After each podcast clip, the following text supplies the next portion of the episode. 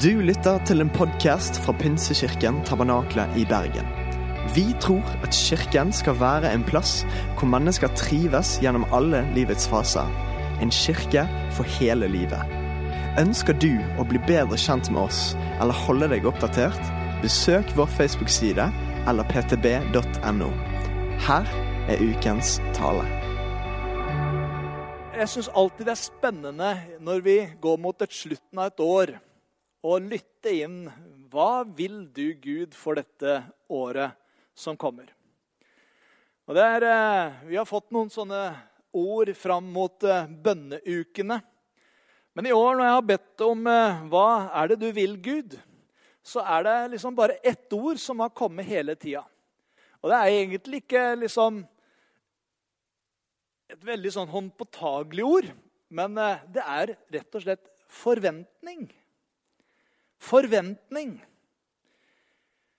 Og Vi har nettopp avslutta et uh, vanskelig år med mange store utfordringer. Et uår kalte Erna Solberg det, vår statsminister, når hun hadde sin nyttårstale.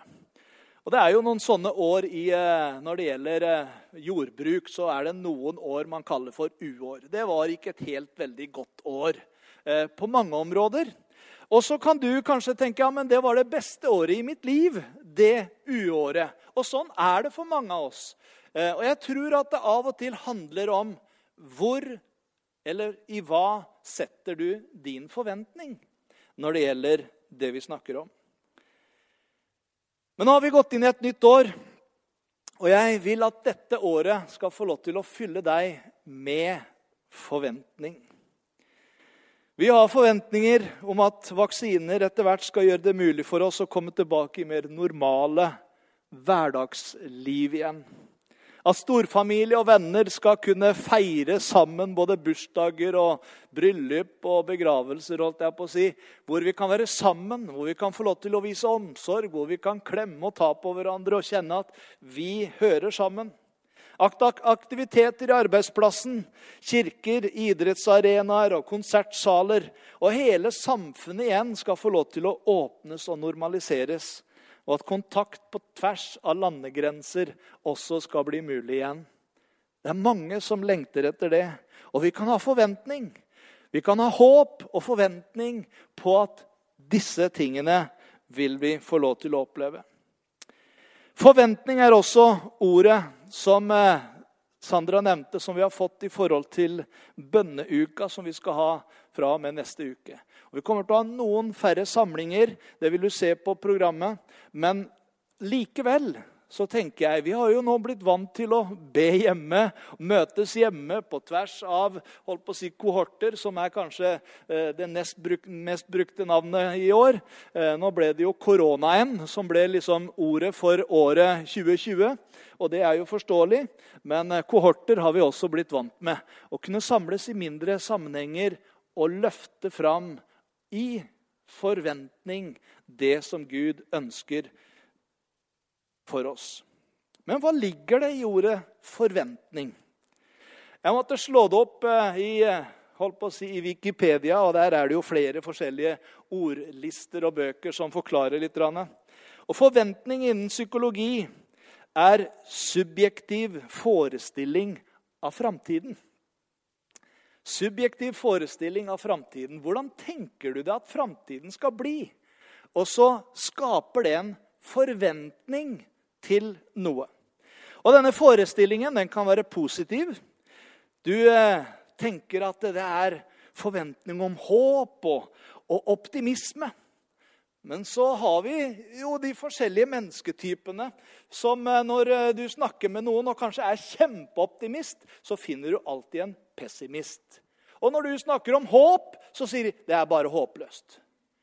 Jeg vet ikke om du kjenner igjen disse her. Men forventning handler litt om hvilke holdt på å si minus- eller plusstegn du setter foran om hvordan din forventning til dette året skal være. Og Disse forestillingene gir, ofte, gir, seg ofte uttrykk i samtaler holdt på å si rundt kaffebordet eller eh, på jobben. Du finner fort ut av hvor man har landa sin forventning. Noen synonymer til eh, forventning kan være utsikt eller vyer, drømmer. Eller det å ha lit eller tillit til noe. Og Det kan også handle om håp. Man håper. Det ligger også en forventning i det å håpe på.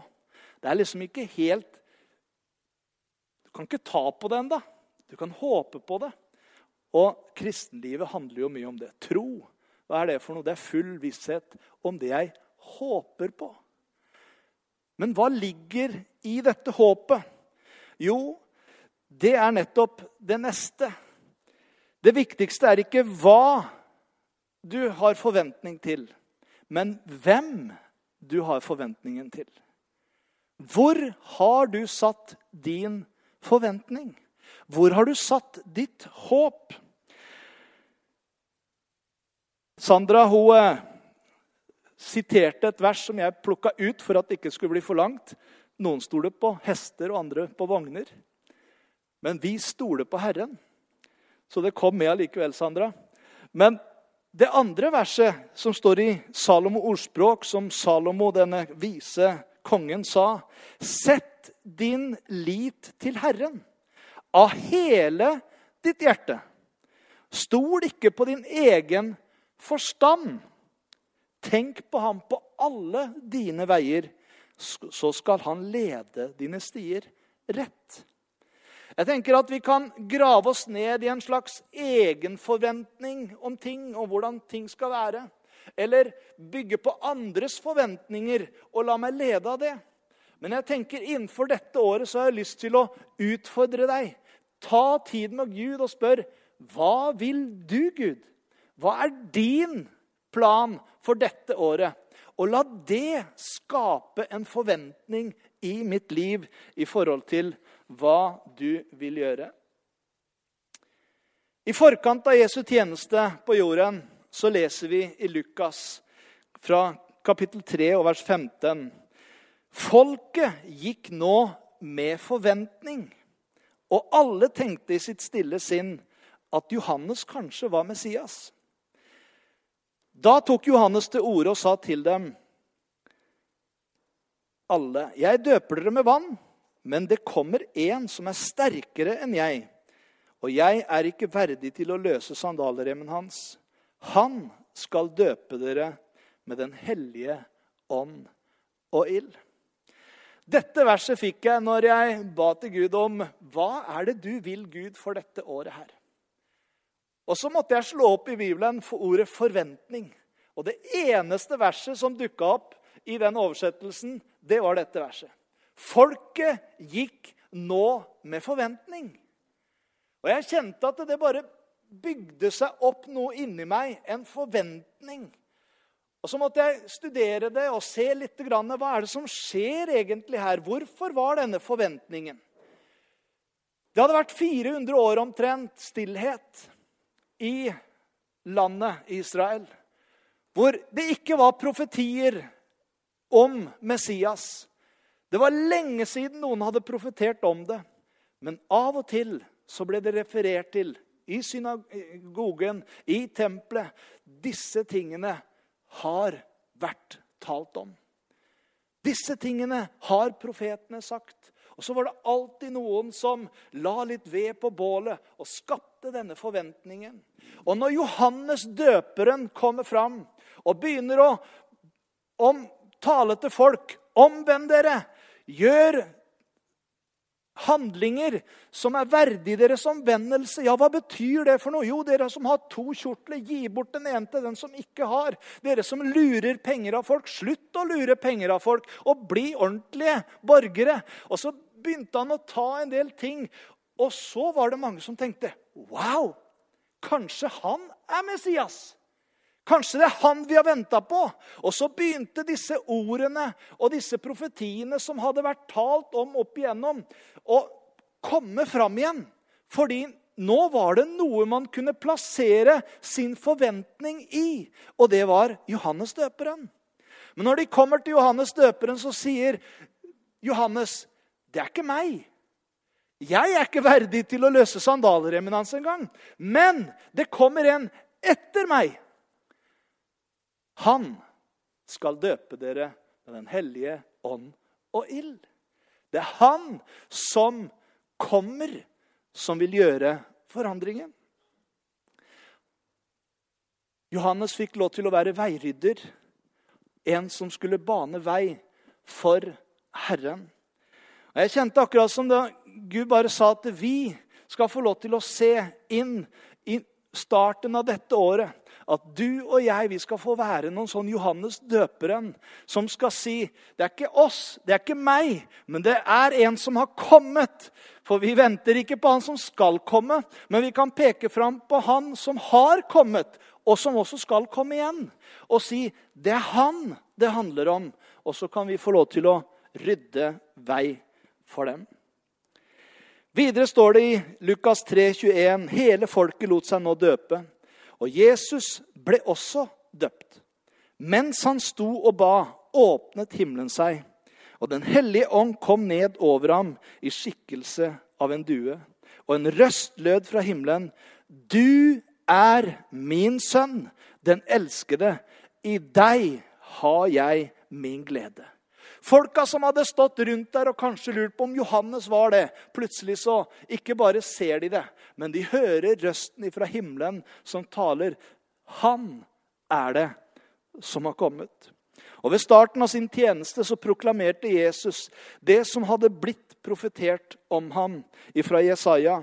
Og Vi leser i Lukas 4, fra vers 18 til 19. Herrens ånd er over meg, for han har salvet meg til å forkynne et godt budskap for fattige. Han har sendt meg for å rope ut at fanger skal få frihet, og blinde få syn igjen, og for å sette undertrykte fri, og rope ut et nådens år fra Herren. Hele Jesu tjeneste her nede gikk med til å snakke om og bevise at Guds rike hadde kommet nær ved de tegn og under han gjorde. Ved hvordan han talte om himlenes rike. Hvordan han løfta fram far i himmelen som en god far. Han var den utsendte som profetene hadde talt om for å føre mennesker tilbake i en relasjon med Gud sin far gjennom at han skulle gi sitt liv på korset. Gjennom at han skulle stå opp igjen fra de døde og bevise at han var Guds sønn, og gjøre det mulig for mennesker å bli frelst.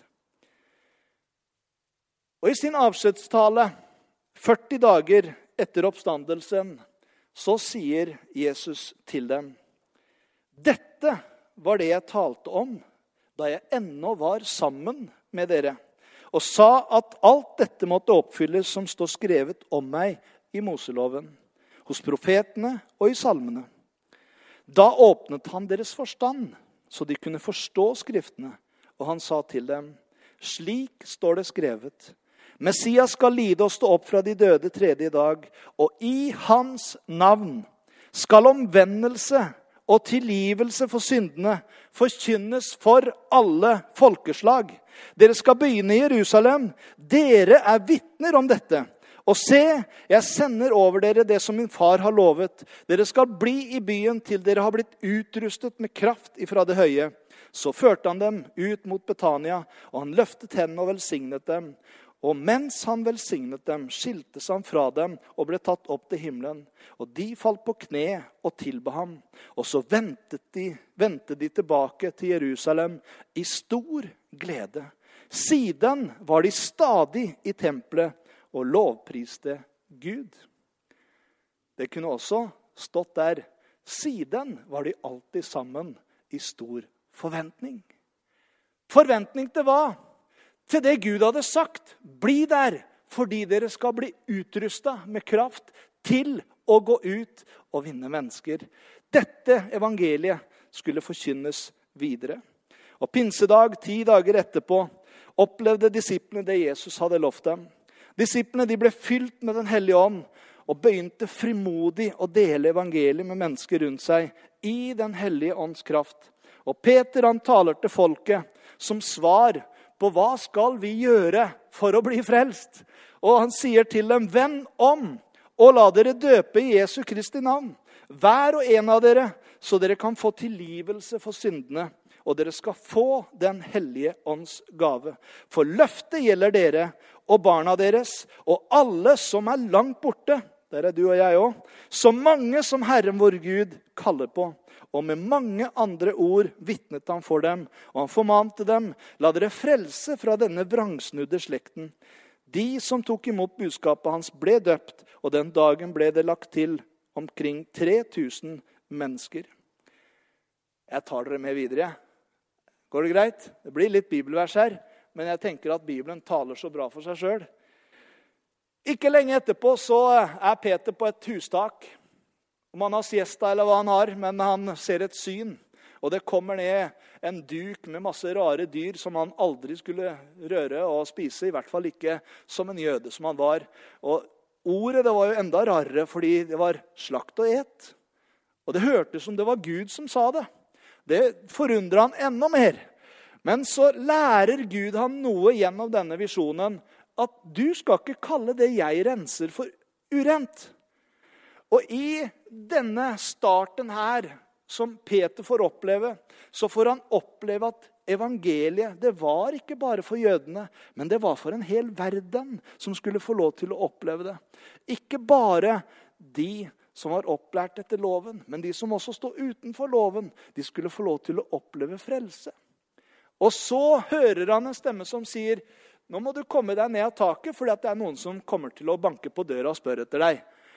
I dette momentet så har Gud bare et par dager før vist seg for en hærfører som heter Kornelius, og sagt du må dra til Joppe, og så må du tilkalle en mann ved navn Simon.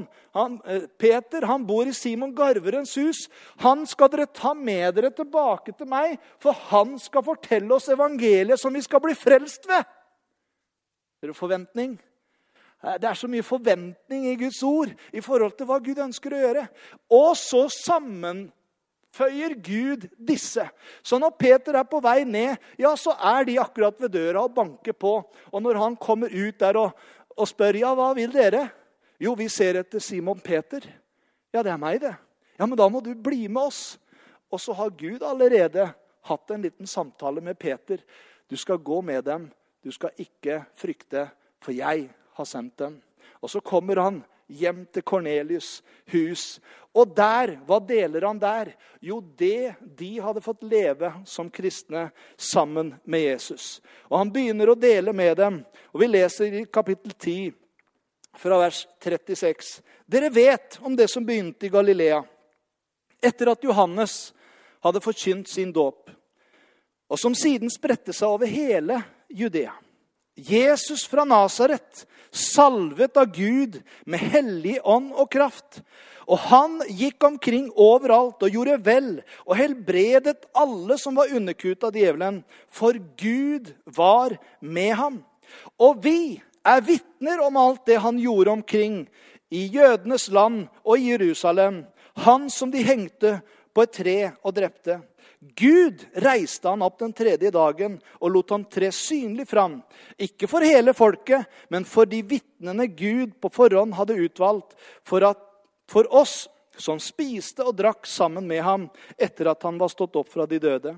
Og han påla oss at vi skulle forkynne for folket og vitne at han er den som Gud har satt til dommer over levende og døde. Om han vitner alle profetene og sier at alle som tror på ham, skal få tilgivelse for syndene ved hans navn. Der kunne det kosta på deg et lite halleluja. Mens Peter fremdeles talte, så kom Den hellige ånd over alle som hørte ordet. De troende av jødisk ett som var kommet dit sammen med Peter, ble forskrekka over at Den hellige ånds gave også var øst ut over hedningene. For de hørte dem tale med tunger og lovprise Gud. Da sa Peter, 'Disse har fått Den hellige ånd slik som vi.' 'Kan noen nekte dem vannet og hindre dem i å bli døpt?' Så bød dem at de skulle døpes i Jesu Kristi navn. Og etterpå ba de ham bli hos dem noen dager. Jeg begynte disippelgjøring med en gang. Er det ikke herlig? hvordan Gud kobler ting sammen. Og han gjør det ikke bare da, men han gjør det også i dag. Han kobler mennesker sammen fordi fortsatt er det sånn at evangeliet skal forkynnes til Jesus kommer igjen. Det vi har sett litt på nå, er forventning i forhold til Messias og løftet om Messias, og hvordan Jesus ga dette videre til disiplene. Forventning om Guds løfter. Det har kommet mange profetier de senere årene om en spesiell vekkelsestid over landet vårt, og også over denne byen som vi bor i. Og jeg har en sterk forventning til at tiden nå er inne da dette skal skje. Jeg kan ikke forklare hvorfor, men jeg bare kjenner at det er noe som bygger seg opp. En sånn hellig forventning.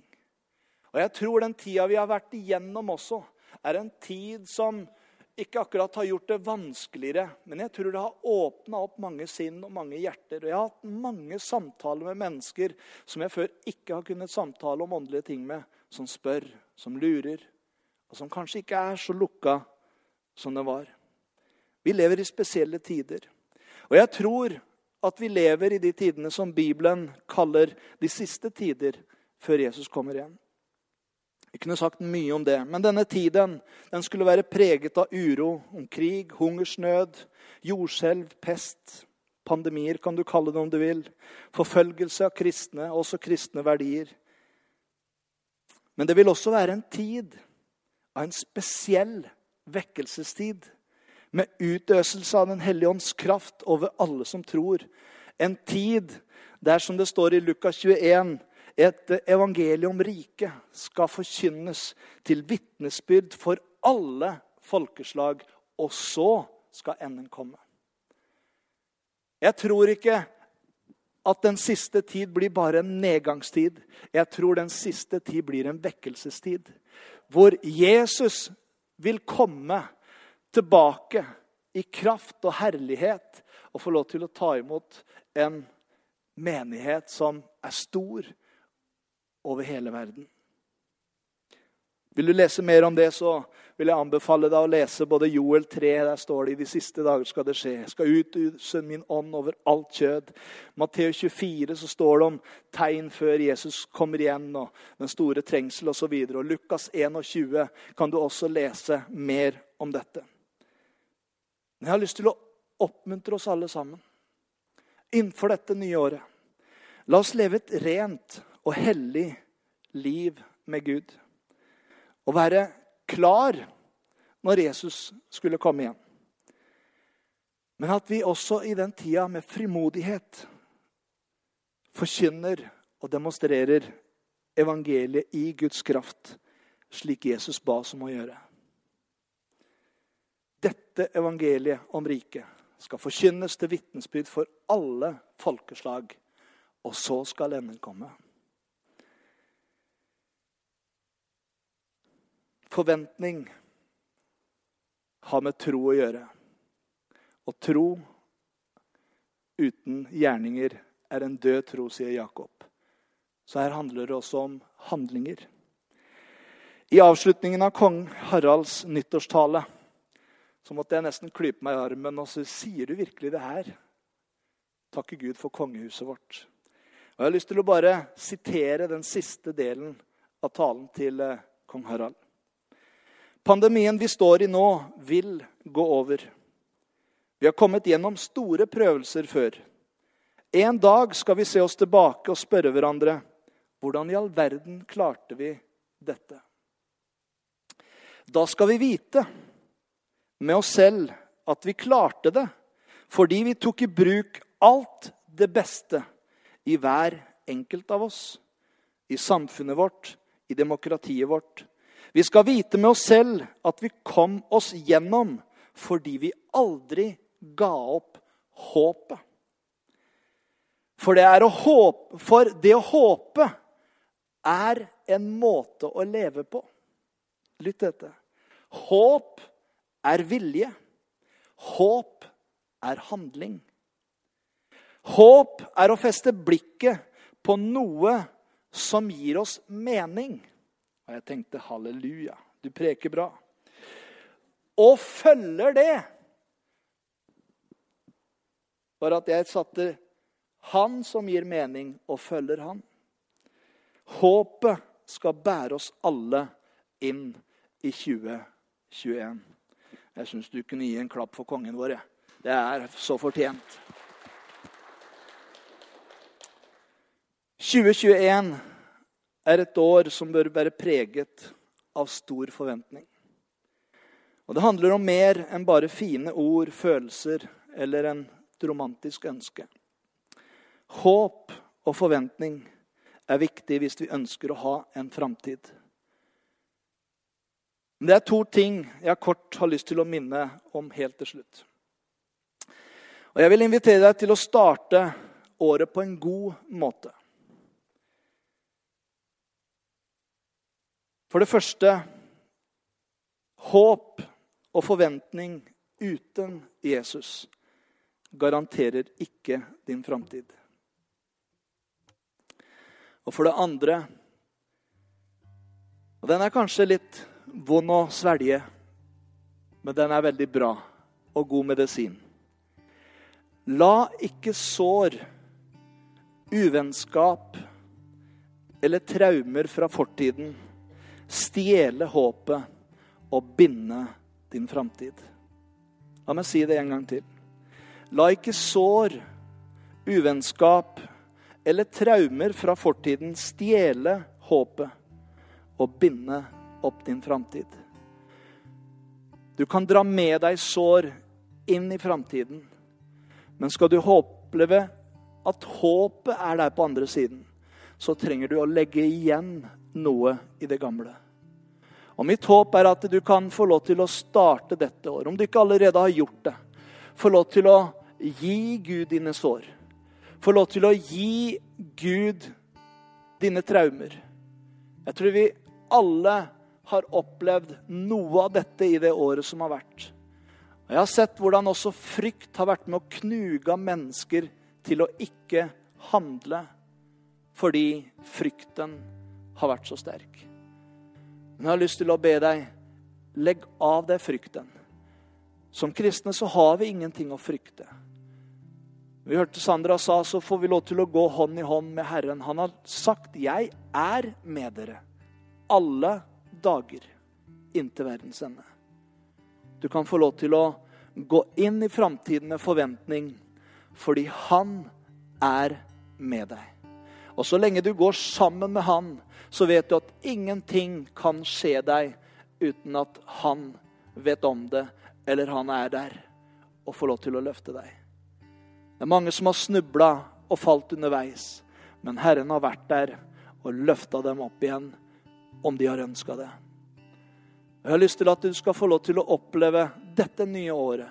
Kanskje det er situasjoner, kanskje det har vært ting i det året som har vært også, i forhold til uvennskap, i forhold til gnisninger med mennesker, som du kanskje trenger å gjøre opp. Kanskje ikke du skal forvente at alt skal bli bra over natta, eller det skal være forståelse av alle ting. Men gjør din del og si er det noe jeg har såret deg Er det noe jeg har gjort som har ødelagt denne relasjonen? Tilgi meg. Og så legger du det tilbake, og så får du lov til å gå framover mot en fortid med forventning om at det vil være helt annerledes enn det du legger bak deg. Så jeg vil invitere deg til å starte dette året på denne måten. Fest framtiden din til håpet, grunnlagt i troen på Jesus. Og tillat at kraften i tilgivelse og helbredelsen som springer ut fra det Jesus gjorde på korset, gjør deg fri fra din fortid og gir deg en god plass i framtiden.